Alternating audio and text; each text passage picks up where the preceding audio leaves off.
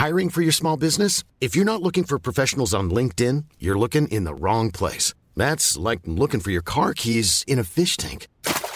LinkedIn helps you hire professionals you can't find anywhere else, even those who aren't actively searching for a new job but might be open to the perfect role. In a given month, over 70% of LinkedIn users don't even visit other leading job sites. So start looking in the right place. With LinkedIn, you can hire professionals like a professional. Post your free job on linkedin.com slash people today.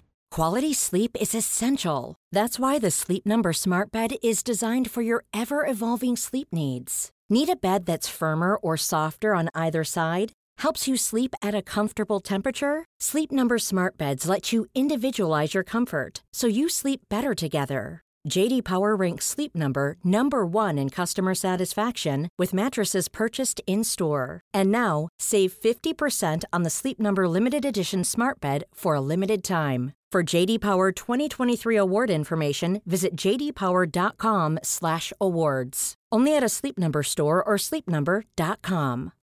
Life is full of what ifs. Some awesome, like what if AI could fold your laundry?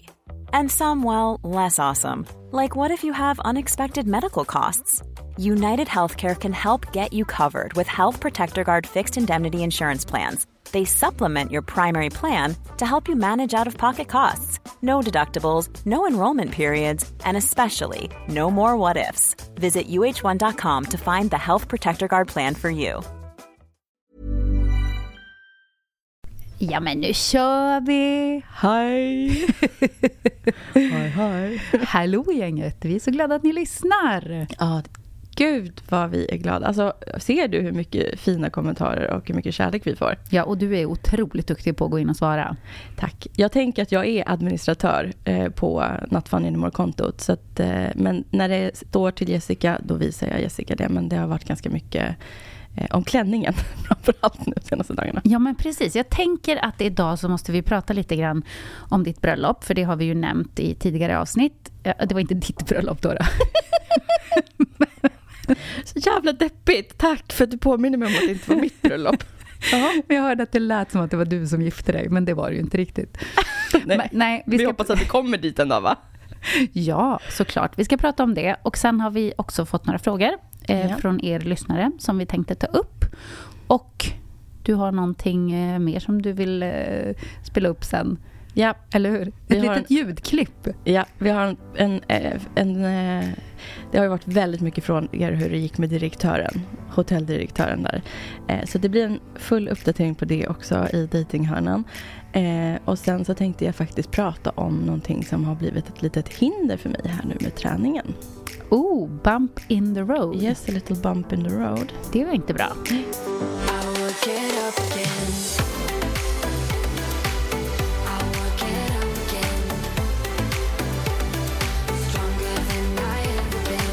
Men vi börjar med något glatt, nämligen eh, din klänning och eh, din bröllopshelg. Nu sa jag återigen din bröllopshelg. Det är önsketänkande åt mig. eh, nej men, eh, det här var ju bröllopets, alltså brölloparnas bröllop. Och gud vad jag hade sett fram emot det här. Och jag lägger ju aldrig upp helkroppsbilder. Så jag kände mig väldigt så här, modig och eh, så här, du vet att nej men nu gör jag det. Jag kände mig så fin i lördags. Jag hade haft en kvinna hemma som hade spraytannat mig. För att jag, var, men alltså jag var blek som ett spöke. Så att jag stod eh, i ett sånt där tält i min hall, naken och bara Gud vad lyxigt ändå. Ja. Hemspraytan. Ja, det var så lyxigt. Jag gick all in. Eh, och klänningen då? Alltså, jag försöker komma ikapp. Och vet du vad? Vet ni vad? Alltså, ni är så himla fina och härliga. Och ni skrev så sjukt många... Alltså, jag fick så mycket kärlek i lördags när jag la upp... Eh, eller på lördagen från bröllopet när jag la upp eh, bilden. Så jag var helt... Jag, jag kände mig så jävla confident. Eh, det var underbart. Men jag har inte hunnit svara alla. Och jag är så ledsen för det. Men jag, som jag la ut på Instagram också man ser era fina kommentarer men man hinner inte alltid med för att vi har ju även våra privata Instagrams också där det också skrivs. Eh, så att skriv på, får ni inget svar så vet mer att vi tittar, vi läser, vi kanske inte alltid hinner säga hej och men vi uppskattar det. Men Fanny, jag måste säga att du var ju svinsnygg. Tack. Det var du verkligen i din blommiga fina klänning. Har ni missat den så får ni gå in och kolla på Instagram helt enkelt. Och jag såg på dig att du kände dig fin. Tack. Jag såg det på bilderna, att du liksom strålade ut, att du tyckte att du var lite extra. Ja, det, det var jag. Och jag fick också höra det hela dagen, så det var jättebra. Det var härligt. Men det var kul och det känns ju roligt också för att det kändes som att eh, det var väldigt många av mina kompisar där som verkligen var så här, men gud man ser på dig att det har hänt någonting. Och även om det liksom inte är så här, jag har gått ner 25 kilo utan jag har gått ner lite grann. Men det är ju inte det egentligen som är det viktiga. Det är bara att man hela utstrålningen. Alltså alla som känner mig var verkligen så här. Gud du är så liksom on fire. Och gud vad du lyser. Och du är liksom. Jag, jag känner mig ju verkligen helt annorlunda. Men frågan var ju väldigt, från väldigt många, vart är klänningen ifrån? Och det är ju faktiskt bara en boho-klänning. Inte sponsrad kan jag säga. Men det är så jäkla billigt där. Och jag har känt så här, jag vill inte köpa jättedyra kläder nu. För att jag är ju på en resa där jag förhoppningsvis inte ska komma i de här kläderna om några månader. Så eh, jag köpte en ljuvlig rosa kreation från Boho som kostade 360 kronor. Och vet du vad man såg mer, tycker jag? För klänningen var ju ganska kort. Ja. Och det var ju mycket legs. Ja. Såg att du började träna. Och så. Ja, du hade ju grymma benmuskler. Ja. Då. Vet du vad jag alltid har tänkt? Att jag har kvar benmuskler från när jag var ridtjej. Ja, men det kanske du har. Ja, det var faktiskt en som skrev Ge mig dina vader. Jag bara, ja, kan du få. Tack ska du ha. Det var lite kul. Men ja, vad kul. Ja, det syntes verkligen att nu har Fanny spenderat några timmar i gymmet ändå. Mm. Och en annan grej Fanny som jag måste säga innan jag glömmer det. Att när vi skulle gå härifrån eh, Acast förra veckan. Mm. Då gjorde du och jag sällskap till våra bilar. Eh, och då tänkte jag på att gud Fanny hon studsar fram. Du hade sån studs i steget. Och det kan jag säga att det hade du inte förut. Nej.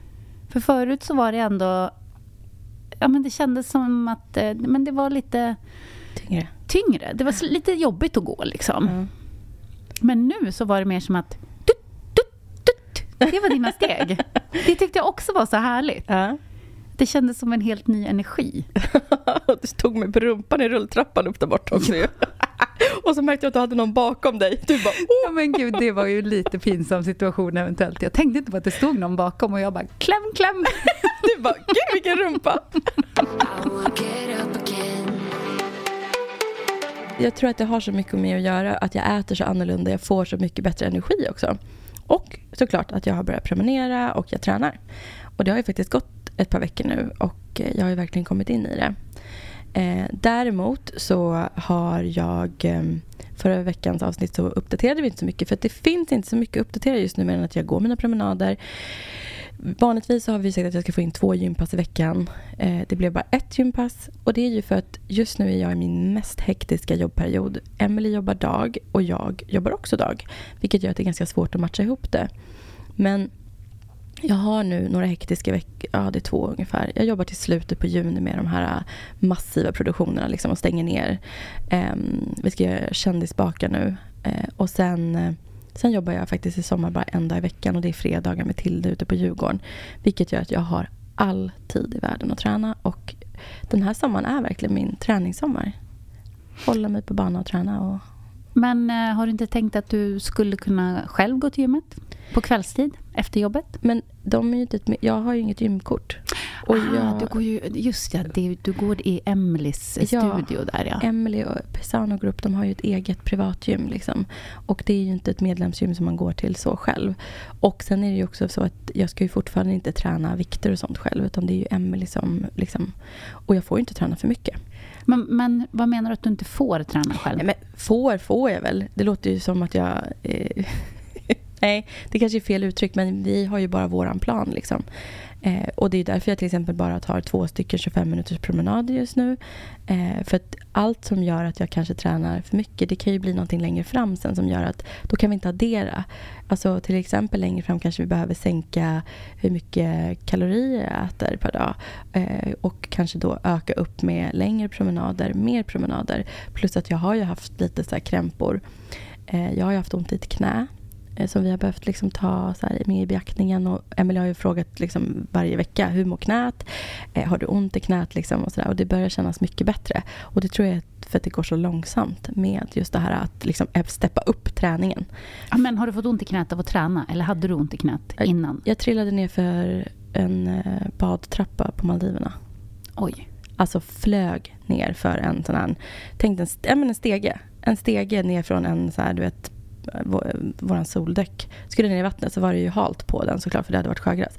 Så jag gjorde en sån här, alltså jag vek benet, flög ner i vattnet och eh, ja, kravlade mig upp därifrån. Så jag hade faktiskt jätteont i knät i några dagar nere på Maldiverna. Men där ehm, simmade jag jättemycket. Så då rörde jag hela tiden liksom benen. Eh, så att då fick jag liksom inte säga, jag tror att jag hade kunnat fått ännu ondare om jag inte hade rört mig. Men just det här försiktiga i vattnet tror jag hjälpte mycket. Men det har jag känt nu. Det knät som jag liksom gjorde illa där nere i januari har bråkat med mig nu när jag börjar gå och träna. Men jag tänker att det här är också en bra eh, lärdom att skicka med lyssnarna. Att även när man sätter igång en sån här resa så är man kanske jättesugen ja. att bara dra igång liksom på högsta växeln. Mm. Men då kan man ju också få skador Exakt. och ont på olika ställen. Och det kanske man inte märker vecka ett, eller vecka Nej. två eller vecka tre. Men kanske efter tre månader så får man någon skada som man får dras med mm. för att man har liksom gått ut för hårt. Exakt. Tanken är absolut att jag tänker skaffa ett gymkort i framtiden. Och det tror jag också så här, det tror jag verkligen Emelie vill att jag ska ha. Att jag liksom sen när vi har kommit in i det här, när vi vet eh, eh hur mycket jag klarar av och när jag kanske också har fått tag i, för det var ju det här faktiskt att jag inte vet hur man tränar. Och Emelie lär mig ju allting nu. Och även då när Emelie till exempel åker iväg på någon semester i sommar, då kanske hon ger mig övningar hemma med såna gummiband och olika saker. Och jag gör jättemycket liksom styrka med egen, alltså kroppsvikt och sånt där. Vilket är toppen för hemmaträning. Eh, och, eh, så att jag tror att eh, börja långsamt. Jag tror att det här verkligen har varit nyckeln för min framgång. För att jag inte skulle tycka att det var för jobbigt. För jag har ju känt att liksom, det finns ju en liten så här... Eh, jäklar, ska jag ha presterat nu varje vecka? Varje vecka ska jag komma med något nytt här i podden och bara Den här veckan har jag gjort det här, den här veckan har jag gått ner mycket så här. Och det var väl därför också vi sa Vi kommer inte prata varje vecka om vikt och om måttbandet utan det blir en uppdatering i slutet varje månad. Och någon månad kanske vi inte tar upp det. Alltså, det är ju egentligen, det är klart att man ska få ta del av resultaten och det är det som jag också tycker ska bli så himla roligt. Men det måste ju också finnas ett lugn i det här. Att det liksom är Ja, alltså man måste komma ihåg, det är ju en lång resa. Exakt. Det ska ju inte eh, gå på ett kick. Det, det är ju hela poängen. Att Exakt. det här ska ju göras på ett hälsosamt sätt. Det är en livsstilsändring för ja. mig. Och det är ju någonting som ska vara hållbart för mig resten av livet. Och jag kan helt ärligt säga till dig att jag inte har saknat någonting. Jag tycker verkligen att jag mår så mycket bättre. Så det här är så himla värt det.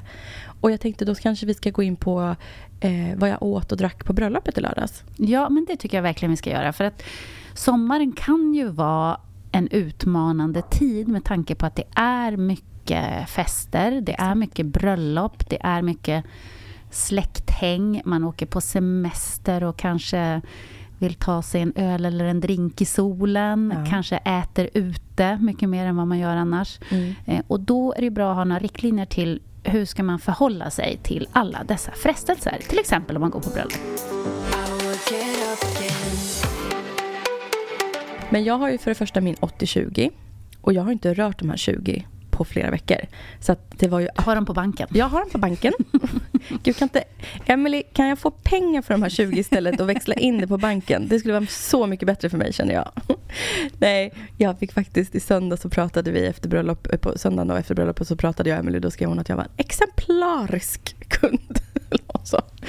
Nej men eh, jag hade ju verkligen tänkt där, men alltså på bröllopet då kommer jag dricka alkohol om jag vill. Och sen så kan inte jag, jag hade ingen lust att börja hålla på. Jag har specialkost hit och dit. Utan jag var så här, nej men nu äter jag det som det bjuds på. Och ser vad det blir. Och ser hur jag känner. Eh, och eh, då kan jag ju faktiskt börja med att säga att det var ju min väninna Linn och Oskar som gifte sig. Och då vill jag bara säga grattis till kärleken och för världens mest fantastiska bröllop. Eh, och Linn, min stjärna, hade ju fixat på morgonen. Hon kommer alltså till mig. Hon ska få smink och hår av mig i bröllopsgåva. Hon kommer upp med omelett åt mig. på morgonen. Nej men gud vad härligt. Alltså hon är så gullig så hon kommer liksom med frukost till mig. Mysigt. Ja, så jag fick i mig frukost och då åt jag omelett på morgonen. Och sen, vet du vad hon hade mer gjort? Nej. Beställt kycklingsallad åt mig till lunch. Perfekt ju. Ja. Hon tog ju ansvar där då. Hon tog ansvar. Linn har tagit ansvar för mig den här dagen. Hon bara, nej det var åh Linn, gull, älskling vad snällt det var. Så att jag fick också i mig lunch. Och sen så började bröllopet väldigt tidigt, det var redan klockan ett på dagen. Eh, så att vi åkte alla in till stan, till kyrkan först. Och eh, sen så åkte vi båt över till hotellet som ligger i Nacka där vi alla skulle vara och bo. Och eh, då började ju drickandet. Och då var, bjöds det först på skumpa på båten. Och där tog jag mig ett glas, gladeligen. Det var gott. Såklart, det var gott. Det var så himla underbart väder också. Men sen framför allt var det, så, alltså det var så mycket kompisar med på det här Vi hade så himla roligt. Så man var ju verkligen så här gasen. Och jag har nog aldrig... Eh, alltså det var så spektakulärt på något sätt. Linn har ju så mycket kontakter så vi hade ju liksom otrolig sång i kyrkan. Och sen eh, när vi stod ute på kajen de, eller kan man säga att det var en kaj? Det var som en brygga framför hotellet där vi dockade. Där hade de gjort jättefint mingel åt oss eh, med skumpa. Då kom Tommy Körberg och sjöng Stad i ljus. Wow! Jag vet, helt otroligt. Vilken grej! Ja, men alltså så otroligt bröllop. Det var ju fest liksom och så hade vi DJ där ute. Och då serverades det moshis heter de. Vad är det? Det är som en sån här, är det som en japansk glass? Du vet sån här moshi eller ja, det är i alla fall som en, nästan som en bakelse med en glass i. Och, jag, och så var det massa godis överallt. Jag rörde faktiskt ingenting. För där kände jag så här, nej, idag vill jag inte unna mig. Det behöver inte jag. Jag hade tagit om jag kände för det, absolut. Men det var inte det, jag var inte i det mindsetet att jag ville käka sånt. Så att jag kanske hade behövt på eftermiddagen, det kan jag faktiskt säga nu. Att jag tycker själv att jag kanske borde ha gått och typ så här, tagit lite nötter eller någonting. För jag fick inte i mig något mellanmål, vilket gjorde att jag var enormt hungrig på kvällen. Men där kan jag faktiskt ta ansvar själv också och inte vänta på att någon ska servera mig. Men jag var så inne i det här, det var så roligt liksom. Ehm, och så eh, vart det sittning på kvällen. Och vi fick fantastisk förrätt. Det var sparris med någon kräm och så här. Så det var ju toppen. Passade ju mig utmärkt. Mm. Eh, och sen till varmrätt. Eh, jag kan säga att det jag unnade mig den här kvällen verkligen och typ gottade i mig. Det var små färskpotatisar. Jag, jag tog den här skålen med färskpotatisar och bara ding, ding, ding, ding. Och det var nog också för att jag är så van att äta sådär du vet utspritt under dagen vilket gör att mitt blodsocker håller sig så jämnt och jag är inte hungrig. Men på grund av att jag hade inte ätit från 11 tiden min kycklingsallad förrän på kvällen till middagen så var jag ganska hungrig vilket gjorde att jag då potatisen kom in först. Jag bara jag hade satt bredvid Bettina Philipsson. Jag bara, Bettina skicka potatisen! Bettina satt och matade mig med potatisar. och sen eh, fick vi jättegod fisk och röding, alltså så här, röding med sås och forellrom tror jag det var. Så, här. så hur bra som helst. Alltså det var verkligen toppen. Och vet du, det här älskade jag. Det var ingen jäkla tårta utan det var ostbricka och pralin till efterrätt. Åh gud vad nice. Äh, det var helt otroligt. Jag bara, Salute Linn, hon bara fixade Linn, frågan är, planerade du din meny efter mig? hon bara, Fanny måste få något så att hon inte behöver bryta sin eh, plan för mycket. Ja, men och sen hade de ju då alltså på riktigt en sån här godishylla, precis som i en mataffär. Mm. Som alla gäster sprang ju och gjorde egna godispåsar. Åh gud, vilken bra idé! Jag vet, men jag rörde ingenting. Bra. Åt inte en godis den här dagen utan mitt var liksom så här, lite extra kolhydrater som potatis och sen så drack jag ju alkohol. Men jag tror på riktigt inte att jag drack mer än tre glas. Men vet du vad som är bra Fanny? Du var ju uppenbarligen inte sugen. Nej. Och då är det ju helt onödigt. Alltså ja. Bara för att man är på en fest så behöver man ju inte ta allt som bjuds om man inte är sugen. Nej, exakt. Hade du varit sugen, men ja men absolut, det är klart att du ska unna dig det om du är på ja, bröllop. Hur ofta är man det? Men när man inte är det så är det ju bara onödigt. Nej, och jag är ju inte heller en person som inte kan vara social, sprallig och kul. Utan, alltså, jag, jag behöver inte alkoholen för att vara funny, Bunny, tänkte jag säga. jag är ju liksom en litet eh, energipaket ändå som eh, liksom härjar runt. Så att för mig var det mer så här, jag drack de, de saker som jag tyckte var gott. Och liksom, sen så insåg jag när jag räknade, för att vi, det kom ut, jag filmade faktiskt, eh, de som har sett det var ju så här, det kom ut Alltså det var ju sån shotfest. Men jag tror vi fick, ja den shotten man såg mig ta, det var faktiskt Resorb. För de skojade med gästerna så de kom ut med shotglas med Resorb i. Men gud vad roligt. Det ja. var ju också en jätte jättebra idé. Eller hur? Alltså de wow. är geni. Ja men verkligen. Men alltså det här bröllopet var otroligt. Alltså den här festen. Alltså det var så himla bra fest. Alltså det var verkligen så här, alltså talen var roliga och det var, alltså det, det, det hände så mycket hela tiden och du vet när det helt plötsligt någon avslutar ett, ett tal så kommer det ut 130 shotta på brickor med du vet så här fyrverkerier. Det var så himla kul. Men så att shotten jag tog det var faktiskt Resorb-shotten. Resorb-shot, det där ska jag sno. Ja. Det där ska jag sno. Alltså till alla middagar och fester Ja. man har. Komma ut med en bricka med Nej Resorb-shot. för fan så kan vara bra. Riktigt bra. Riktigt bra. Eh, så det avslutades med, ja, det, det kanske i och för sig, jag åt en sån här chokladpralin faktiskt med kaffet och det, det kände inte jag att jag hade någon dålig samvete. Alltså, det är det här som är så viktigt att jag inte får börja få dåligt samvete eller känna att jag gör någonting fel. För det är, om jag nu har en dag, alltså de här 20 procenten är ju egentligen till för att jag ska kunna göra lite vad jag vill med dem. Och jag tycker inte att det har varit jobbigt att liksom välja bort sockret nu eller sådana saker. Och som sagt, alkoholen har ju aldrig heller varit någonting som är så här viktigt för mig eller någonting som jag verkligen behöver och vill ha. Men jag vill verkligen så här, när jag tycker att någonting är gott, då vill jag kunna dricka det. Och nu så var jag nöjd. Jag knallade upp till mitt rum sen vid två-tiden på natten och bara så här, nöjd, glad och bara så här, vet, somnade. Sen åkte jag ju faktiskt hem dagen. Jag, åkte, jag gick inte ens till hotellfrukosten. Jag tog en taxi hem och gjorde min omelett. Såg du det? Jag såg det. Mm. Imponerad blev jag. Och god såg den ut. Ja. Alltså omelett-Fanny kan du kalla mig nu. Men jag tänker att när, om ett år, när du har nått ditt mål på den här resan, då får vi göra om något Funny Anymore till matkonto. och du bara lägger ut så här nyttiga, goda grejer som du pysslar med. Nyttiga mellanmål och Alltså- goda omeletter och mums. Du ser, jag kommer bli en liten minimat-Tina, mat-Fanny. Ja. Men du, vad heter det? vi har ju så himla mycket roliga idéer du och jag. Vi ska inte droppa dem nu men alltså jag tänker om ett år vad vi kommer kunna hitta på så mycket roliga saker med att vi har gjort den här resan. Och jag ser så mycket fram emot vad som ska hända längre fram. För att det är väl också för er lyssnare liksom att resan ska ju inte vara slut om ett år, att jag och Jessica skiljs åt och så, utan då är ju tanken att Jessica och jag har blivit best buddies och även best buddies med er. Och att vi fortsätter följas åt i livet och att vi, eh, att vi hittar saker att prata om som är intressant för er och att vi fortsätter med kvinnlig hälsa och allt det här. Men att eh, jag kanske inte kommer prata vikt i flera år till. Liksom, utan vi ska ta mig till den här resan och sen så ska vi bibehålla vikten. Exakt. Och det faktiskt, Fanny, är ju ett nytt steg på resan som ibland är ännu svårare. Alltså det ska man inte bara göra med en axelryckning Nej. och tänka att det, det, det kommer bli enkelt. Utan det, Det kan ju nästan vara ännu tuffare. Mm. Men jag tror att du kommer att lyckas. Och varför jag tror att du kommer att lyckas, det är för att du låter den här resan ta så lång tid. Ja.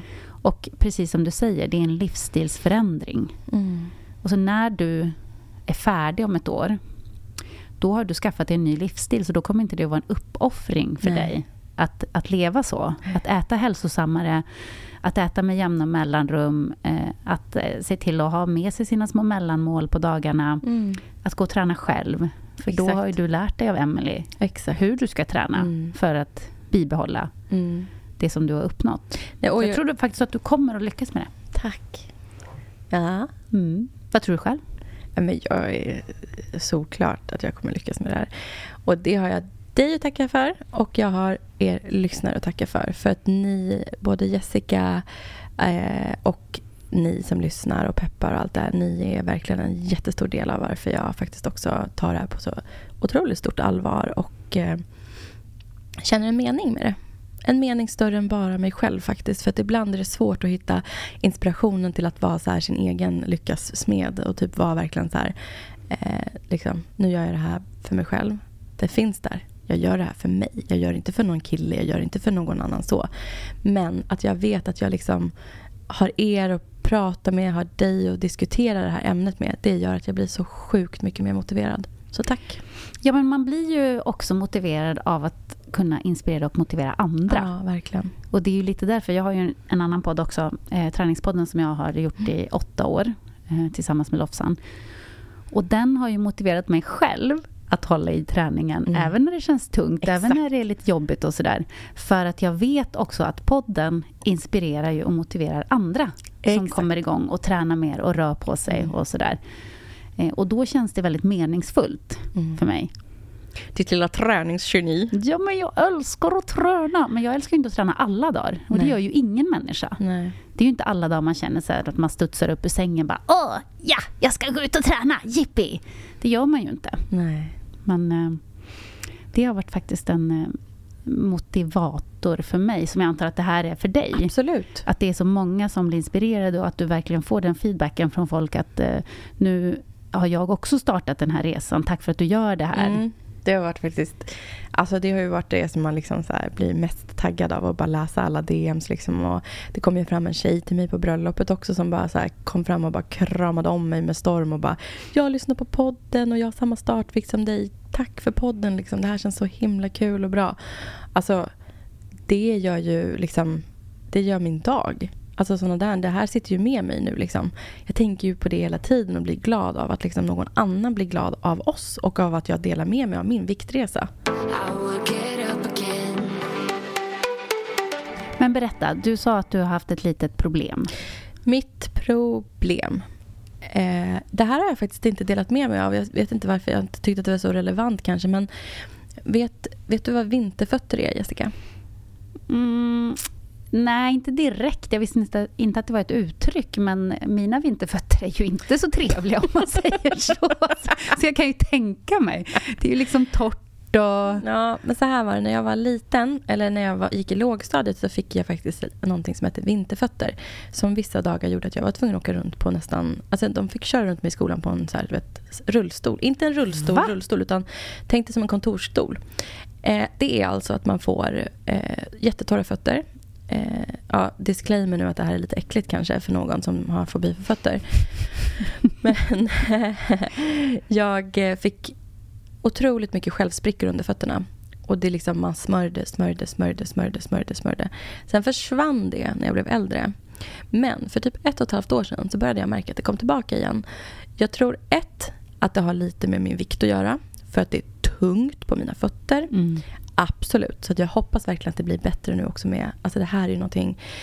Jag pratar inte om det här med folk, men de som är allra närmast mig vet att jag har problem med det här och får ju också se att jag ibland får självsprickor under fötterna fortfarande. Alltså jag har som köttsår under fötterna Jessica. Aj. Så att jag har liksom under de här första träningsveckorna kämpat mig igenom det här. Alltså det kliar och jag kliar alltså i sömnen.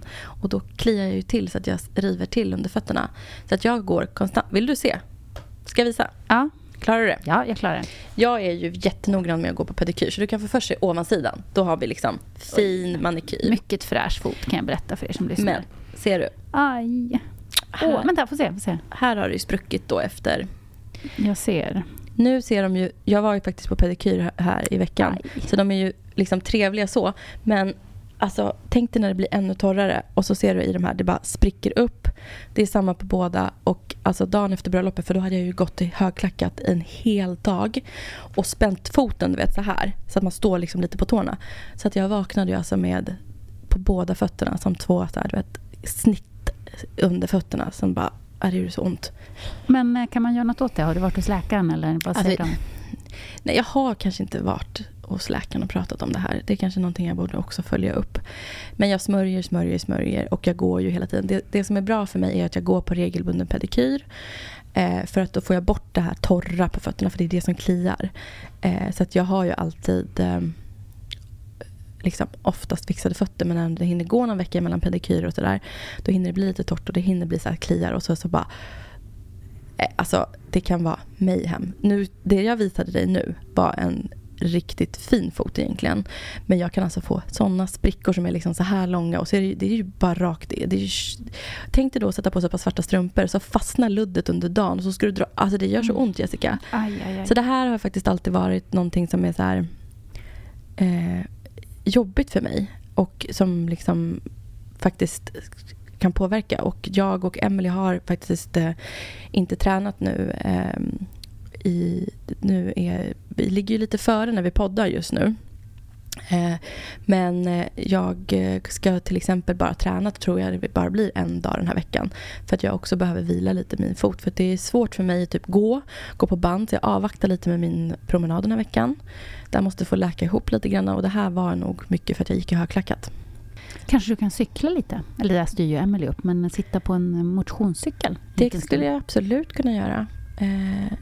Däremot så vet jag inte sett om hon har någon motionscykel på gymmet. Mm. För att jag går alltid på bandet som en uppstart. Men det här är ju liksom... Det här tar jag mig igenom. Eh, det här får bara lösa sig. Och nu tar jag eh, någon dag bara fortsätter smörja. Det här kommer, jag vet ju hur, hur mina fötter funkar och det kommer läka ihop. Så att ni kommer snart se att jag är ute och knallar i min story. Liksom. Och sen är det så här, jag har alltid lite ont under fötterna. Så att jag bara härdar igenom och går. Ah, nej, du måste gå till läkaren med det där. Det måste finnas något man kan göra åt det. Du kan ju inte bara acceptera att det är så där. Nej. Nej, det går inte Fanny. Men du kan fatta att det gör ont va? Du, jag kan fatta att det gör ont och det är ju vidrigt när man har ont i fötterna. Mm. Jag kan säga det, efter Ellegalan hade jag så ont i fötterna så att jag hade för små skor. Aj. Min stylist Sara hade lånat skorna av eh, Petra, Tungården. Ja. Och de var en storlek för små. Men de var så snygga till. Så Sara sa till mig så här, äh, men du får bara genomlida. så för att jag skulle få på mig skorna så fick vi smörja in mina fötter med bodylotion. Och då kom, gick de i. Annars gick det liksom inte att trycka i dem. Så att efter själva galan, när efterfesten började. Först var jag tvungen att bara sätta mig ner, för jag hade så ont. Och sen fick jag gå hem. Jag kunde inte vara kvar. Jag hade så ont. Och vaknade på morgonen. Jag svär, jag kunde inte gå på hela dagen efter.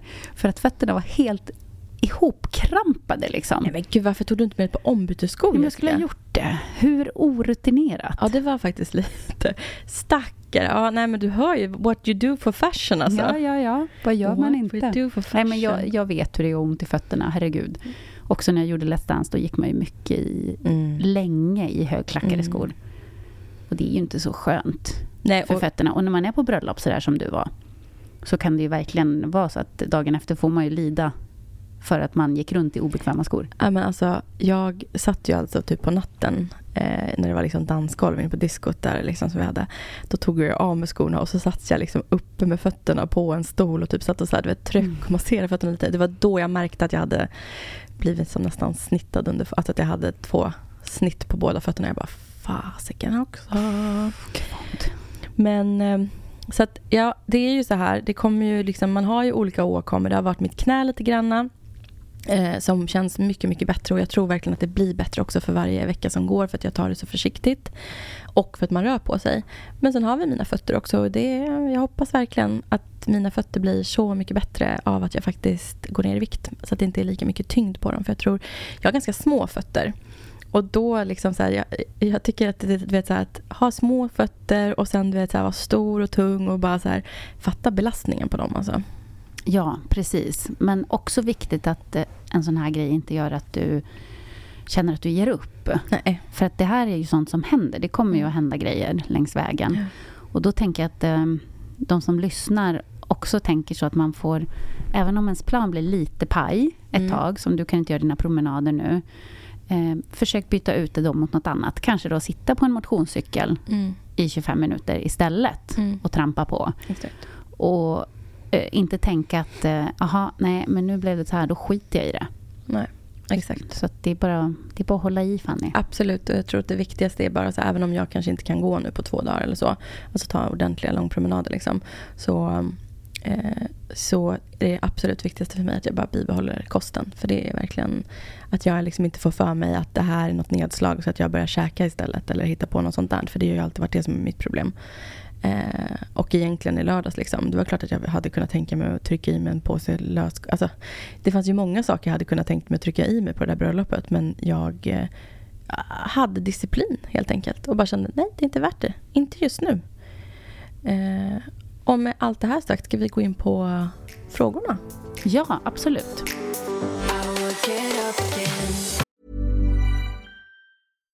Here's a cool fact a crocodile can't stick out its tongue. Another cool fact you can get short term health insurance for a month or just under a year in some states. United Healthcare short term insurance plans are designed for people who are between jobs, coming off their parents' plan, or turning a side hustle into a full time gig. Underwritten by Golden Rule Insurance Company, they offer flexible, budget friendly coverage with access to a nationwide network of doctors and hospitals.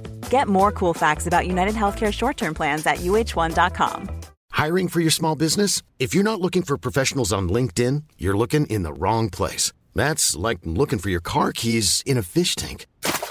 LinkedIn helps you hire professionals you can't find anywhere else, even those who aren't actively searching for a new job but might be open to the perfect role. In a given month, over 70% of LinkedIn users don't even visit other leading job sites. So start looking in the right place. With LinkedIn, you can hire professionals like a professional. Post your free job on linkedin.com slash people today.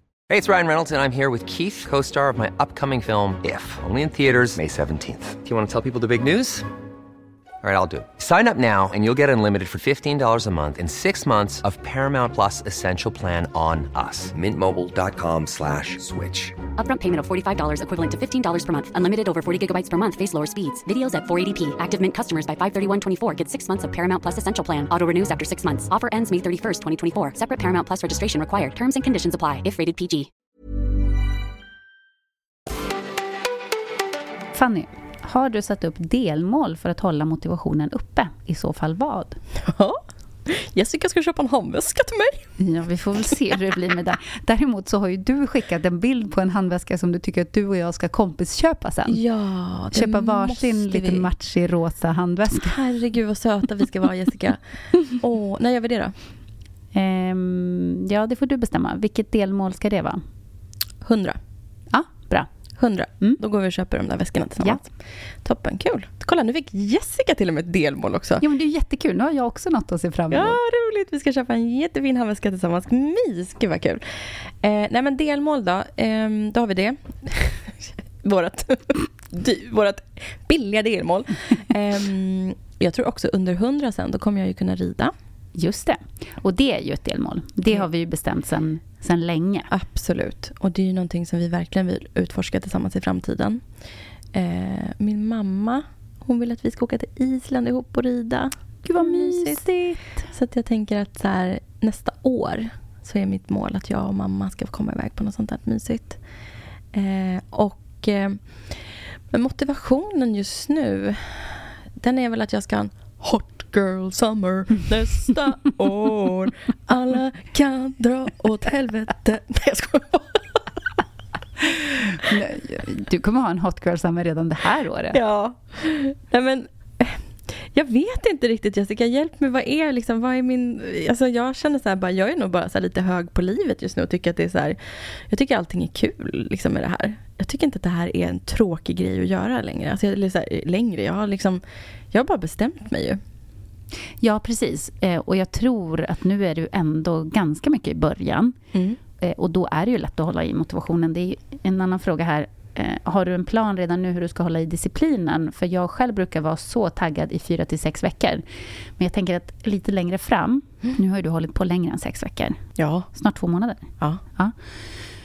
Men lite längre fram så kommer det nog att bli ännu viktigare att faktiskt sätta delmål. Mm. Att ha tydliga. Nu har vi 100, då har vi vårt lilla väskinköp som vi ska göra. Men jag tänker att du kan ha mer delmål. Ja. Oftare delmål. Och jag- känna att nu har jag nått den här lilla milstolpen. Och då ska jag belöna mig själv med detta. Okej, men 10 då? När, när jag har gått ner 10 kilo? Mm. Vad... eh, Vi kan ju sätta ett delmål till mig själv då. Det är inte så jättelångt kvar. Nej, det Eh. tror jag du kommer att göra om någon vecka typ. Ja. Så 10, vad skulle jag kunna göra då, då som är lite härligt för mig själv? Du, du får tänka på den. Ja, alltså helt... Ja, vi, vi återkommer.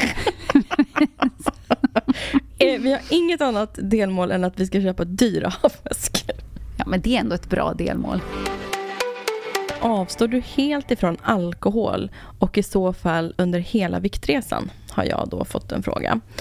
Eh, nej, men jag är sällan jättesugen. Alltså jag har aldrig haft en så här stor alkoholkonsumtion i vuxen ålder.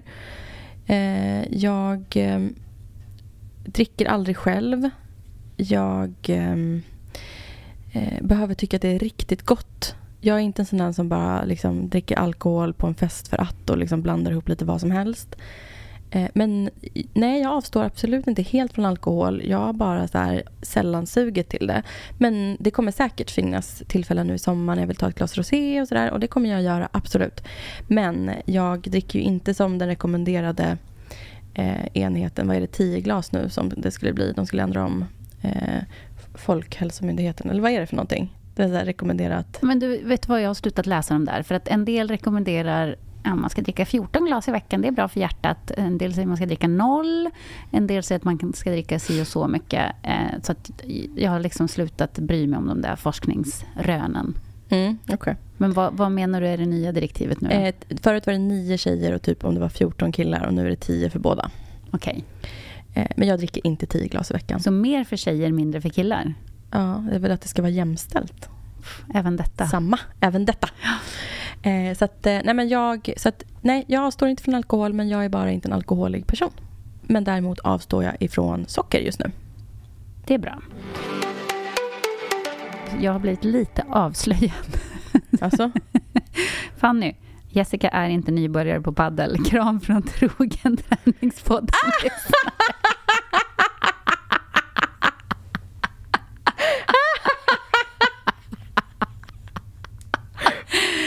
uh, Okej. Okay. Um, Vad har du att säga? Nej, men jag är väl kanske inte direkt nybörjare. Jag spelade lite en period, men sen så fick jag ju paddelarmbåge. Mm eh, som tennisarmbåge, vet du vad det är? Nej. Man får eh, jätteont i armbågen helt enkelt. Så att varje gång man försöker slå bollen så är det som att det bara strålar ut smärta i hela armbågen. Bara kaboom! Så det går inte att spela. Det är helt omöjligt. Och i, när det är som värst så är det så illa så att man kan typ inte lyfta grejer med den ja, armen och sånt. Mm, det är jätteobehagligt faktiskt. Och det tar skitlång tid. Så det tog säkert... Ja, men det tog nog nästan ett år innan det var helt bra. Mm, okay. faktiskt. Och efter det har jag inte riktigt kommit igång. Så att jag räknar mig nu som nybörjare. För att jag var aldrig särskilt bra innan. Och nu har jag inte spelat på ja, ett och ett halvt år kanske. Okej, okay, så då är du nybörjare igen? Så att nu är jag igen nybörjare. ja, ja, men då kan vi gå... Men okej okay då. jag, jag skarvade lite. det var roligt. Hej, jag hade gärna velat veta mer om kosten, kalorier och mängden, eh, hur ofta och mängder och så vidare. Och jag är ju då så att jag äter fem gånger om dagen, helst. Vilket inte alltid passar mig och vilket inte alltid blir exakt så. Jag har varit jättetydlig med Emil också sagt att jag är inte perfekt varje dag. Jag kan inte vara det. Men hittills så har vi hållit eh, kursen och eh, nu kan jag faktiskt dela med mig av att vi har satt ett mål att jag ska gå långsamt ner ett halvt till ett kilo i veckan under det här året. Eh, och och Eh, mängden är fördelad i mat som är anpassad efter min vikt och sen aktivitet och min kroppstyp. Eh, det här är liksom en skonsam siffra som är satt för att jag ska hålla det här året och eh, för att det liksom inte ska vara en strikt diet utan att det ska vara en hälsosam livsstil. Så att ungefär ligger jag på cirka 500 kalorier per måltid. Alltså även mellanmål? Ja. 2 500 kalorier om dagen. Ah, okay. Mm. Och vi har ju satt... Jag tror att 2 500 kalorier kan vara ganska högt i en viktnedgång. Men det är också för att vi sen längre fram kommer behöva minska målen lite. Och då är det ju jätteviktigt att jag inte har ätit för lite nu. För vi ska både kunna öka på träning och kanske göra, ta ner kalorierna lite jag äter ju liksom inte så här lightprodukter och jag äter ju kolhydrater och allt sånt där. Liksom. Så det är ju verkligen anpassat efter att så här, bara ät hälsosamt nu och sen så ska vi kunna ändra. Alltså min sambo, han är ju väldigt bra på många saker. Men han är ju duktig på så kost och träning och näringslära och sånt. Och han brukar alltid säga till mig att mat Riktig mat kan du äta hur mycket som helst. Mm. Det kommer du inte att gå upp i vikt av. Nej. Alltså, riktig mat är inte farligt. Nej. Men det är när, när slasket liksom... Exakt. Det där andra runt omkring. Så så här, om du vill ta bort någonting, säger han till mig, då ska du ta bort dina chokladkakor på helgen. Ja. Och alkoholen. Ja. För det är ju också mycket socker i alkohol och sådär. Ja. Det är inte så bra. Plus att man blir hungrig när man dricker alkohol. Ja. Det är ju kanske det absolut värsta med alkohol, tror jag. Alltså mer än själva sockret som alkoholen innehåller, absolut. så blir man ju hungrig. Och man har ju inte riktigt den där spärren så här, jag kanske inte ska äta tio mackor nu. När jag kommer hem Du, den, där efter en spärren, fest. den där spärren finns ju inte på många saker då. Jag kanske inte ska hångla med den där dörrvakten och så gör man det ändå. Exakt, tio mackor eller hångla med dörrvakt. Välj själva. Välj själva. De hade ju vickning på bröllopet också. Det kom ju alltså pizzor och sånt på natten. Det var någon som, alltså, och jag åt inte den maten heller. Men alla andra sprang runt med pizzaslicer och sådär. Så Ja, kände, för man blir ju hungrig av Ja, alkohol. såklart. Men eh, inte jag. Inte vanligt. Inte jag. Nej men gud vad, vad vettigt sagt av honom. Ja, men det är verkligen det. Och det, det är ju så, tycker jag, med såna här grejer att man ska... Man ska inte krångla till det så mycket. Nej, exakt. Det är liksom inte så himla krångligt egentligen. Nej, och sen också varför jag äter fem gånger om dagen är ju för att hålla min blodsockernivå på en lagom mängd. Och det är därför också så här, jag har inte varit i ett behov av att småsnaska. När jag har ätit så som planen är, liksom frukost, mellis, lunch, mellis, middag. Jag är inte sugen sen på kvällen. Det har varit jätteenkelt för mig då att vara pigg framför allt. Jag har inte dippat och att jag liksom så här, eh, inte behöver allt det här extra. Så att eh, jag tror verkligen att vi har hittat ett sätt som min kropp, och min kropp har ju lyssnat. Jag stod still en vecka och det var nog mycket för att mensen kom och för att kroppen också stabiliserade sig till att jag hade gått ner då 6 kilo och hela den biten. Liksom, för det gick ju ganska fort där i början. Liksom. Men nu så tror jag att min kropp eh, den har vant sig ganska mycket och den håller sig till det här ett halvt, ett kilo i veckan. Och det känns så himla skönt också att det inte är hetsigare och stressigare än så. Men har ni redan nu planerat att eh, längre fram så kommer du att skruva ner på antal kalorier eller hur tänker ni där? Vet du vad? Berätta. Emily kommer till oss nästa vecka. Ja men vad kul, då ska jag ställa alla de här frågorna Alla de här frågorna, precis. Vi spar på det till henne, eller hur? Mm, jättebra. jättebra. och då ska ju också ni såklart passa på att ställa frågor till Emily. Yes. Ni kan börja skriva redan nu ett DM där det står fråga till Emily. Så kommer jag eh, försöka spara ner det. Eh, och eh, sen lägger jag ut en sån här också i storyn inför att Emily ska komma. Så att eh, jag tror att det här, du har så mycket spännande frågor Jessica, men de tycker jag vi sparar till Emily. Jättebra. Vår vi sparar dem. Vi har första gäst. Det blir vä- väldigt kul. Jessica, hur går en ADHD-utredning till? Mm. Eh, ja, det är väl kanske lite olika beroende på vad man gör den. Eh, men man eh, har ju ett antal träffar med en psykiatriker. Jag blandar alltid ihop psykolog Med en gubbe i skogen. Ja, men en gubbe, en gubbe i skogen, han sitter på en stubbe. Så går man ut där och pratar lite, så går man hem. Nej, men man... Framförallt så ska man ju svara på sjukt mycket frågor och göra sjukt mycket tester. Mm. Eh, på både det ena och det andra. Hur man var som barn, vad man har upplevt för problem som vuxen. Eh, närstående ska svara på frågor, hur man var som liten. Eh, och ja, jag har gjort, som jag berättade förra veckan, jättemycket eh, IQ-tester, andra konstiga tester, uppmärksamhetstester. Eh, blodprov måste man ta och eh, övervaka ett kissprov. Det var ju jättepinsamt. Tycker du? Ja, nej, men när man ska sitta där och så ska någon helt okänd människa där på, på provtagningsstället då, stå och titta när jag kissar. Och inte så här, och jag tittar bort lite så, utan verkligen stå så här med ögonen på en. Men gud, som att du är en fånge nästan. Ja, men jag, jag tror att det är eh, att man måste göra så alkohol och. Mm. drogtest, Ja. helt enkelt. Sen när man ska få medicin och så gissar jag att det är för. Absolut. Och det här tar ju... Ja, det tar väl olika lång tid beroende på vart man går. Jag har valt att gå privat för att jag orkar inte vänta. När jag väl hade bestämt mig så var det bara att nu Ja, måste jag göra det nu. Annars Mm. kommer det inte att bli av. jag fattar det är samma för mig. Jag väntar inte heller på sjukvården. Nej, det, det gick inte. Och då kostar det lite mer, givetvis. Men det har väl tagit ungefär en månad, skulle jag säga. Mm. Eh, och nu ska jag ha mitt sista möte då nästa vecka. Ja. Och då får jag domen. Men, eh, men jag behöver verkligen att någon nu bara hjälper mig med de här grejerna. Mm. Alltså jag måste få hjälp med detta. Det har blivit så tydligt för mig nu när Patrik har varit borta här i tio dagar. Ja. Att det, det här funkar inte. Så här kan inte jag ha det. Det går inte. Nej. Så det är ju lite jobbigt att göra en utredning för att man eh, måste liksom gräva lite grann i sig själv. Mm.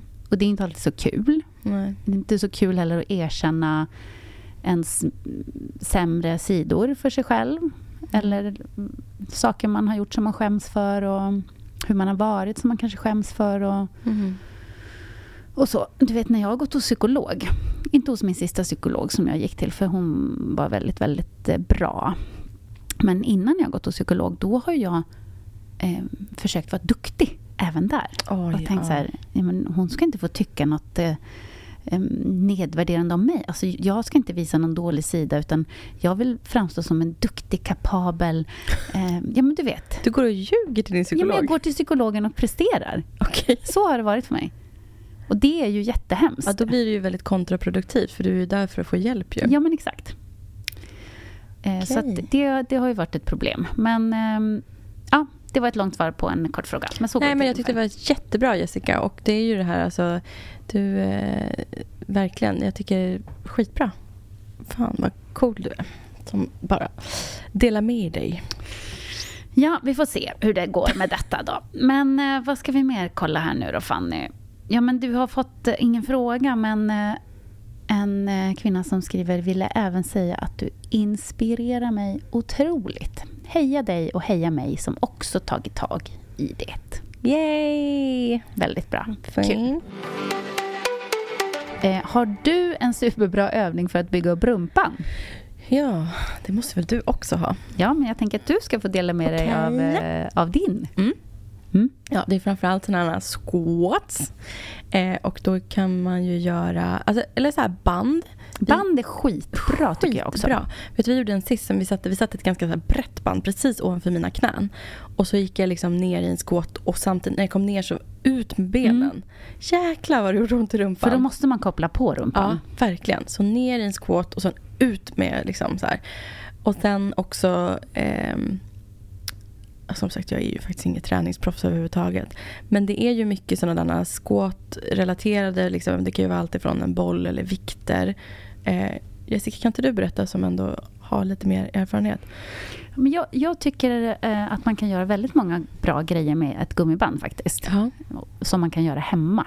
Ja. Att man har gummibandet och så gör man lite kickar. Man kan ju göra både åt sidan. Ja, man vill träna sidorumpan som jag behöver bygga upp lite grann för Ja. den är ganska svag. Så liksom kickar man ut benet åt sidan så och så håller man på ganska länge. Mm. Alltså man behöver inte ens räkna hur många repetitioner man gör utan man håller på tills det bränner. Ja. Man känner brännet i röven. Det är riktigt skönt. ja. Och de kan man ju också göra bakåt. Absolut.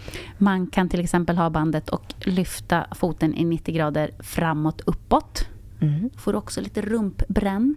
Och jag tror att liksom nyckeln när man vill träna rumpan, det är att man ska hela tiden tänka att man kopplar på rumpan. Ja. Att man försöker känna att nu är det rumpan jag spänner i, så att man inte bara använder låren. Mm.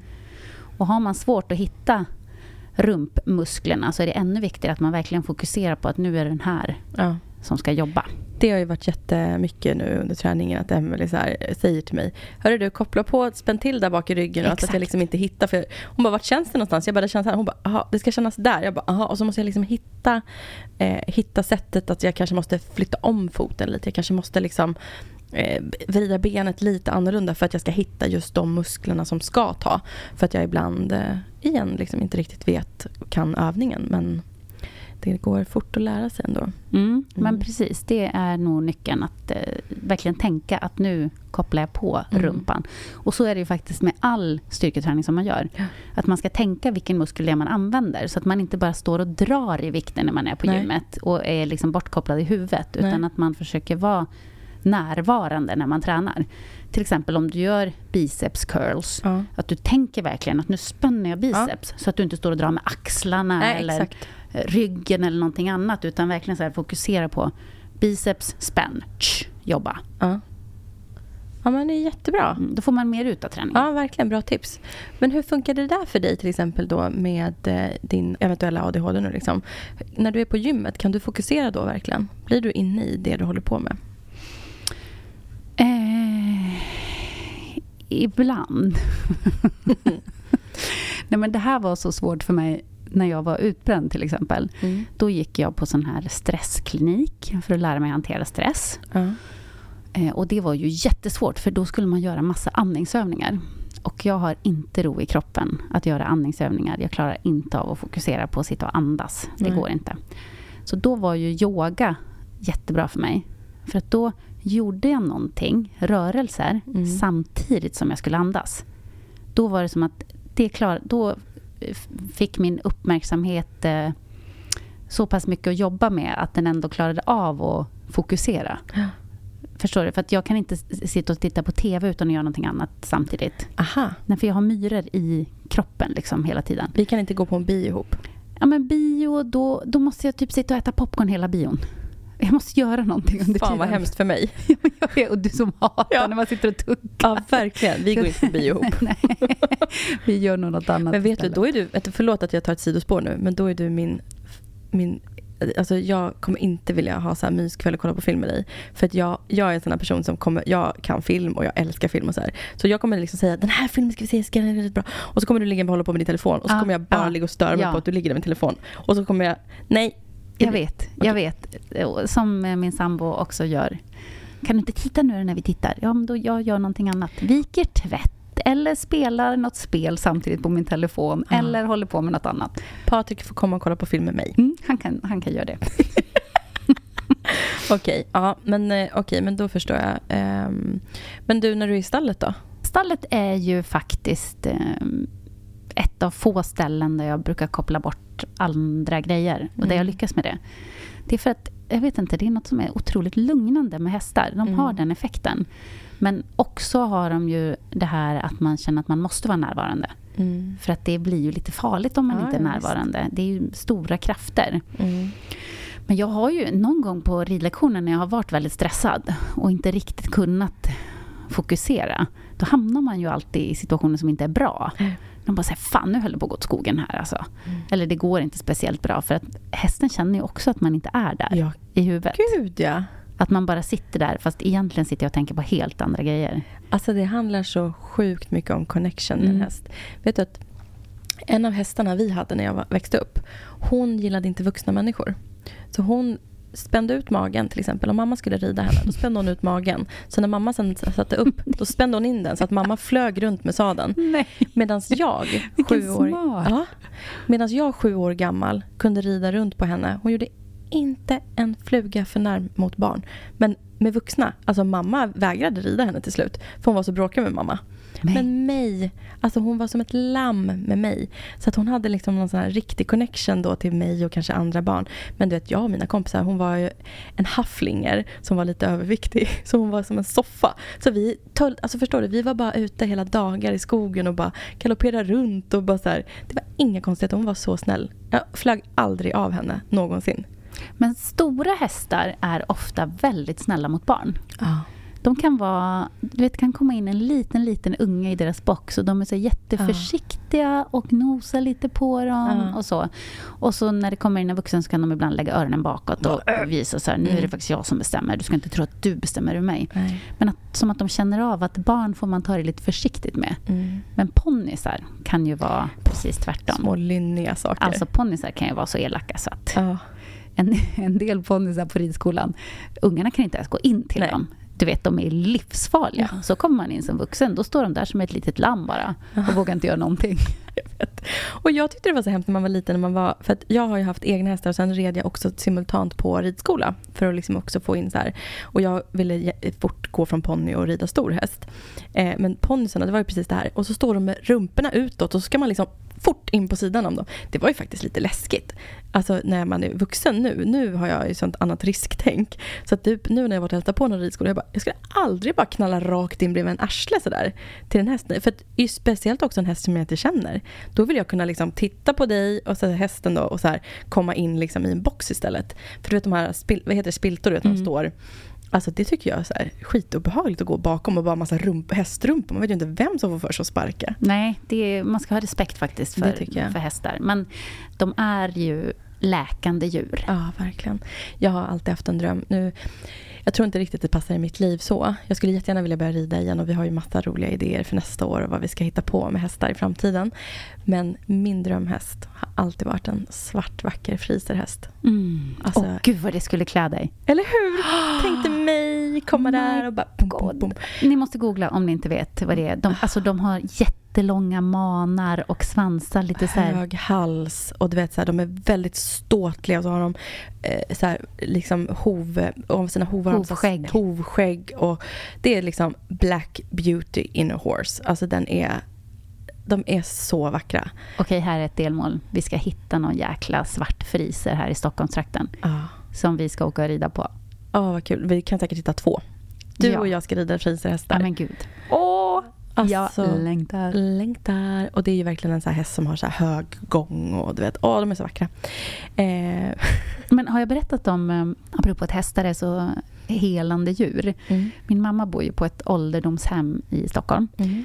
Och ibland så får de besök av en liten ponny. Nej, åh gud vad underbart. Ja, men det är så gulligt. Det han, är- han är typ en sån här vårdponny. Men helskotta vad Ja, underbart. det är så gulligt. Han går in där och så går han in och hälsar på alla och står där och du vet min mamma hon har ett ehm, Ja, hon har ett liggsår, så hon måste, eller ett sittsår, så hon måste ligga ganska mycket. Mm. Men då kommer den in där och ställer sig bredvid sängen så får hon klappa lite. Åh, så. helskotta vad fint. Nej, men det är så gulligt. Nej, men jag blir helt rörd. Det här var, åh, vilken fin grej. Så. Och jag älskar små ponnyer. Vet du, någon gång så tänker jag att jag kanske ska bo så här ut eh, med hus och så. Då ska jag ha shetlandsponnyer. Jag har alltid drömt om att ha häst i trädgården. Ja, exakt. Du vet så här så att man kan öppna köksfönstret och bara vissla på sin häst och så kommer den dit och får ett litet äpple eller en morot och så kan man stå och prata med den. Och, Åh. hur mysigt? Ja, det är helt underbart. Vi hade ju, jag är ju uppvuxen med stall som var på tomten när jag var liten. Alltså det var ju helt magiskt att bara gå upp på morgonen. Kna, alltså det var ju alltså fem meter till stallet. Och bara gå bakom till stallet och så bara gå ut med hästarna. Och så hade vi som, vi hade hage framför, nedanför. Och eh, bara så här hela tiden den här närheten till djur, det tror jag gör människor. Alltså, speciellt att barn blir, liksom, får vara med djur och sånt, det gör att man blir mer empatisk och eh, eh har eh, mycket mer... Eh, alltså, det är känslor. Alltså, det är liksom, och just det ansvaret. Jag tror att jag har blivit... Att jag började ta ansvar väldigt tidigt för att ta hand om djur har gjort att jag har blivit den personen jag är idag också väldigt mycket. Jag tycker att det är jätte... ja, det var helt underbart. Det var faktiskt det mest ljuvligaste med att vara barn för mig. Alla djur som jag hade i mitt liv. Jag har faktiskt en kompis som eh, heter Frida som jag tror att vår klippare Magnus också känner, för hon bor i LA. Okej. Hon jobbar ju med sånt här hästar som någon slags terapidjur. Aha, Hon kommer till Sverige ibland. Jag ska kolla upp det så vi kan tipsa våra lyssnare. vad spännande. Ja, det har jag varit lite sugen på att prova.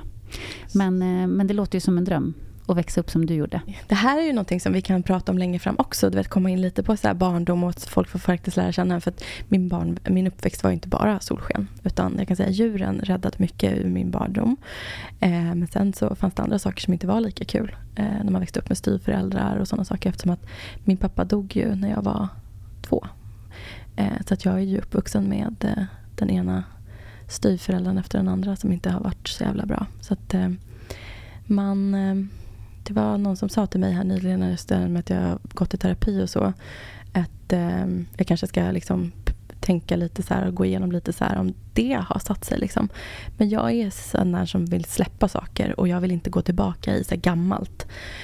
Så att jag låter inte saker som har skett förr riktigt påverka mig idag. För jag har valt vem jag vill vara och hur jag vill bli. Men eh, det är klart att så här, ingenting har kommit gratis. Varken karriär eller liksom det här. Liksom, men, ja, någonting, jag kan ju inte heller bara skylla på dåliga killrelationer som har gjort att jag har gått upp i vikt. Eh, så att, Du tänker att det bottnar redan i din barndom? ja. Saker som händer då? Det sa min... eh, Ja, det var en bekant till mig som pratade med mig om det ganska nyligen. Så att, who knows? Men Vad tänker du om det då? Har det Eh, väckt tankar i dig eller känner du att du vill lämna allt det där bakom dig eller kommer du vilja gräva mer i det?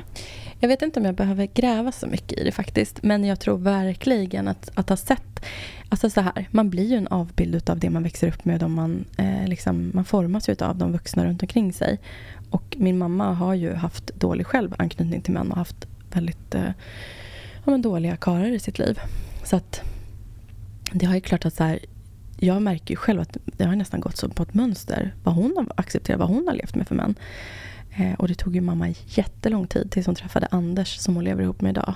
Och eh, det, alltså, eh, det har ju liksom äntligen blivit så bra. Men det har inte varit lätt och mamma har inte haft det lätt. Liksom. Så att det, det är klart att sådana relationer eh, sätter spår på ett sätt. Men jag känner ändå att jag inte liksom så här tar med mig saker som har hänt förut eller så. Eh, har du pratat med din mamma om det här? Ja, det, absolut. Det har vi gjort. Eh, men eh, jag tror att eh, det här har varit så jobbigt för mamma också. Och jag vill inte heller så gå in för mycket på hennes relationer i våran podd. Men vi ska ju träffa mamma någon gång. Och då kan vi prata lite om hon är villig att göra det. Men jag tror att det är jobbigt för henne också. Jag tror inte att hon heller tycker att det är så kul att hon har haft killar som har varit eh, alltså, kanske inte världens bästa snubbe. Liksom. Så det är klart att det eh, satt spår. Men eh, jag tror också så här, ju äldre jag blev så är man ju också så här, idag är jag och min mamma bästa vänner. Jag har världens bästa relation men jag var en ganska arg tonåring. Eh, så det, det är klart att det är saker som präglar en och jag vet inte hur det sätter spår i en. Det är klart att det gör. Mm. Men det är svårt det där om man ska låta det förflutna vara eller om man måste gå tillbaka till det för att förstå grejer om sig själv. Jag vet inte. Jag är kluven. Jag är också kluven. För jag har redan gjort ett val. Sen är det ju så här som jag säger. Jag tror att jag har en dålig anknytning. Det var det min terapeut också sa. Att jag måste lära mig att knyta an till män på ett annat sätt. För att jag har en anknytning där jag tar hand om någon. Mm. Och där jag eh, verkligen... Nej men alltså jag har två killar som jag har sprungit på nu som jag så här, du vet, träffat i så roliga sammanhang. Som bara när de börjar prata om sig själva, jag bara oh, en Voldemort. Alltså, backa ur. Backa, ja. ja. Jag skakade hand med en kille på bröllopet i helgen och bara okej, okay, du och jag kommer överens om att vi ska inte hångla ikväll. Han bara jaha, okej. Okay. För att jag bara oh, Du kände Voldemort. att det där var den eh, typen? Exakt direkt en Voldemort. Eh, så att jag, eh, jag har ju faktiskt lärt mig någonting utav det här och samtalen med min terapeut. Nu kan jag ju säga det att jag går inte hos henne just nu. Eh, jag hinner inte. Men jag känner inte heller att jag riktigt har ett behov av det just nu. Utan hon fanns där för mig i början på året när allting brakade då och jag behövde liksom reda ut lite kring min, mitt krossade hjärta och sådana saker. Eh, som motiverade mig att komma igång. Men jag kommer säkerligen fortsätta att att eh, besöka henne igen och fortsätta prata om saker som kommer upp. Men det, med det sagt så vet inte jag om jag riktigt behöver ta upp saker i min barndom. För att jag har valt att komma ihåg sånt som jag tycker var fantastiskt med min barndom. Och det var att eh, jag hade en jättekärleksfull mamma och jag hade djur som jag älskade och som jag fick ta hand om. Så att det har verkligen varit eh, på så sätt jättebra för mig. Mm, men jag tycker ändå att det är bra att du har någonstans identifierat att eh, du kanske har dragits till fel typ av män. Mm. Och att det finns en anledning till det. Mm. Det bottnar i någonting. Mm. För det kommer ju att öppna för att du faktiskt kan backa ut Exakt. när du träffar den typen av killar. Exakt. Att du nu vet vad det är som du inte behöver och mår bra av. Exakt. Verkligen. Så där tror jag ändå att du har eh, hittat något viktigt. Det tror jag också. Verkligen. Och jag kan känna liksom att också så här, jag tycker det känns så himla bra också så här, att se sin mamma vara lycklig med en man som hon kanske inte heller hade valt för 15 år sedan. Utan eh, Anders då som kom in och var så lugn och snäll och trygg och bara världens bästa bonuspappa. Det var en man som hon kunde träffa senare i livet och ha ett lyckligt resten av livet med. Eh, och tack vare det så fick jag mina bonussyskon också som är fantastiska. Jag är ju en av mina absolut närmsta idag är liksom min styvbrorsa Sebastian som eh, också är min revisor. Han är liksom en toppen, toppen kille liksom, verkligen. Så att, sen har jag två till bonussyskon där. Och så min lilla syster. Så det, det är jäkligt kul. Har du någon plan för vad det är för typ av kille du vill träffa? Har du, någon, har du liksom satt upp så här, de här egenskaperna ska jag titta efter nu? Och det känns så himla pirrigt på ett sätt. Jag vill träffa en kille som får mig att skratta. För mitt liv är skratt liksom en av de viktigaste grejerna. Jag älskar att få andra att skratta. Jag älskar att eh, få skratta själv och vara glad. Sen vill jag ju såklart eh, bli attraherad av personen. Jag skäms ju inte för min sexualitet. Och jag har en hög liksom, drift, kan man säga det? Jag, är liksom, jag vill ha någon som vill ha mig. Som verkligen visar att den vill ha mig. Eh, och där jag också får ge den bekräftelsen tillbaka. Där vi liksom är samspelta i det. Eh, sen skulle det ju vara jättekul om det fanns någon där ute som liksom matchar. Alltså min, om min person kommer också är lite så här entreprenör och driftig och man kanske kan starta företag ihop och driva saker. Men också den här drömmen, alltså så här, jag älskar att resa, jag vill liksom se världen med någon. Eh, och kanske få ha det där i framtiden. Vi kanske bor grannar du och jag om tio år med våra stall. Vi har ett gemensamt stall med hästar och... Gud vad mysigt. Stallet är i mitten. mitten. Så har vi våra fina hus. Åh, Och så swimmingpool och grejer till alla ungar. Och, vilken dröm. alltså Jessica, vad börjar vi va? Vi börjar med en podd, slutar som grannar. Ja. Jag gillar det här också att du nu har visualiserat vad det är för eh, man du vill träffa. Han är lång kanske också. Gud vilken så här, klyschig tjejgrej att säga. En lång man. Han kan vara, alltså vet du vad? Han kan vara 1,70, han kan vara 1,90. Det spelar ingen roll. Bara personen får mig att skratta och får mig att känna som mig som Alltså jag vill vara trygg. Jag har inte varit trygg med de personer jag har försökt dejta och jag har inte känt att jag eh, är prioriterad i första hand. Så att det, det jag har gett killar som har fått vara med mig, det vill jag hitta någon som vill ge mig tillbaka. Så att det blir en symbios i att liksom båda ger lika mycket. Det blir den här klyschan då som jag nu kommer att droppa. När det... Jag vet inte ens hur den är. En stor kuk, en liten tröst i ett fattigt hem. Det var inte den. när det är lätt är det rätt. Är det inte det? Eller när det är, Det är rätt lätt. så är det lätt. Ja! Okej, det är något med rätt och lätt Ja. i alla fall som ska rimma. Är Det det ska inte vara så himla rätt svårt. så är det lätt. Ja, exakt. Att då, då känns det inte så himla komplicerat. Nej. Utan då är det bara ganska enkelt allting.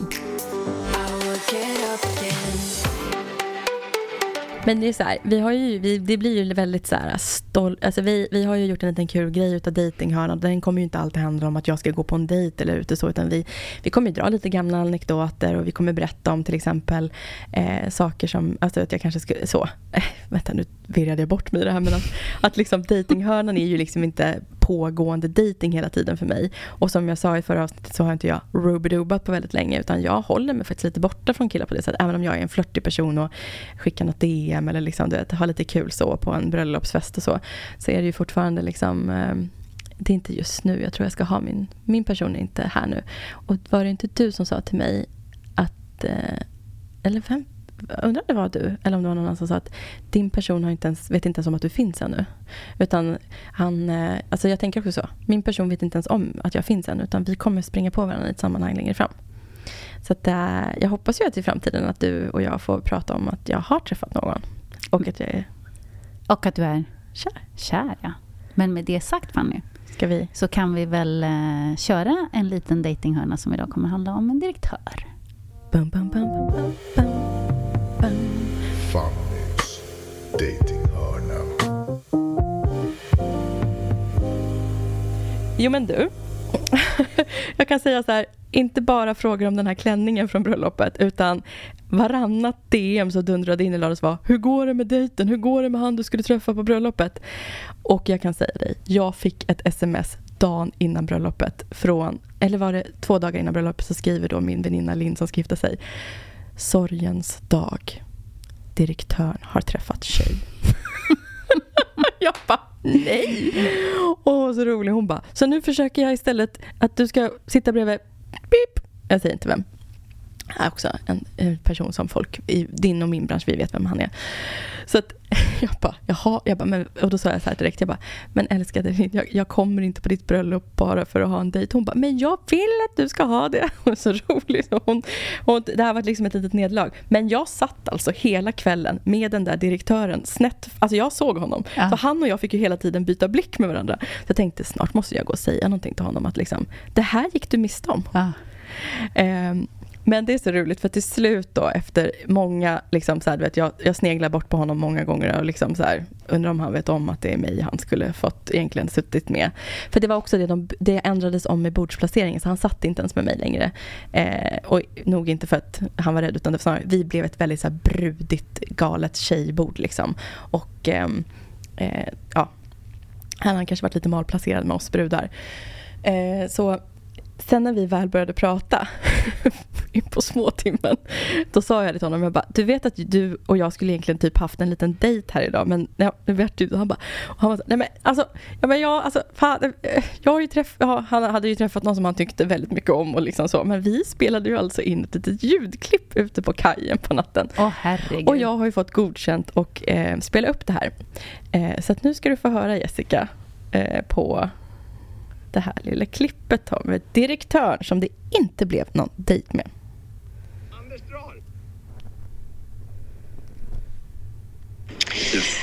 Okej, hotelldirektören.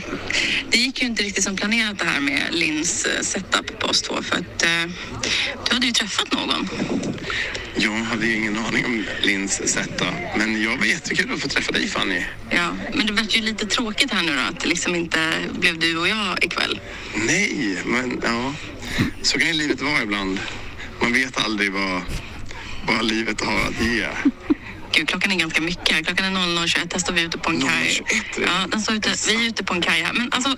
om- Ljuset är magiskt. Ja, ja, ja. Men du, Du hörru. är magisk, Ja, du jag är magisk. Alltså wow. Så du menar på att hade det inte varit så att du hade träffat den här kvinnan, då hade det ju varit du och jag.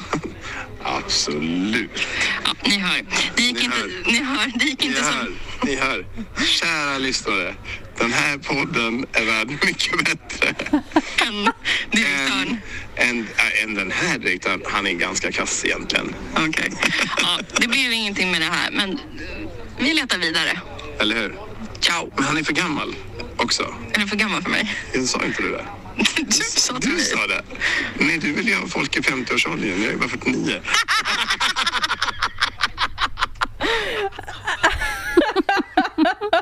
Men det var ändå väldigt mysigt.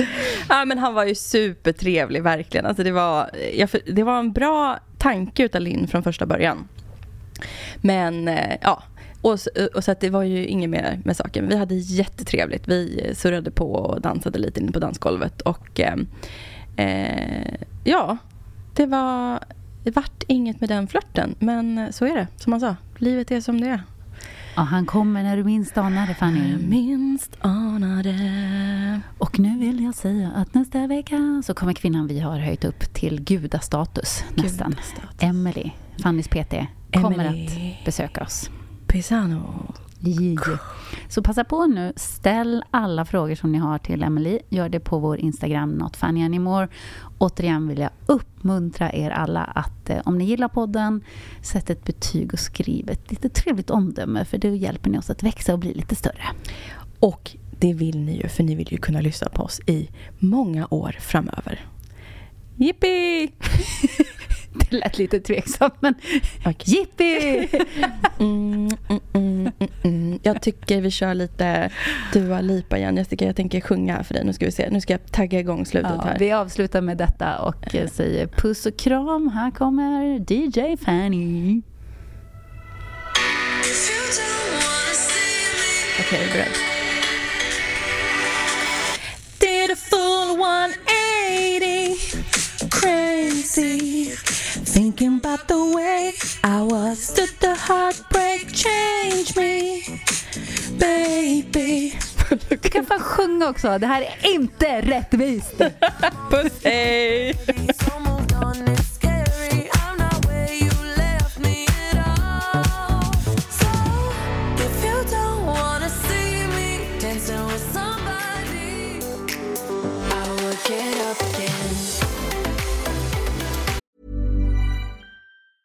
Even on a budget, quality is non-negotiable. That's why Quince is the place to score high-end essentials at 50 to 80% less than similar brands. Get your hands on buttery soft cashmere sweaters from just 60 bucks, Italian leather jackets, and so much more.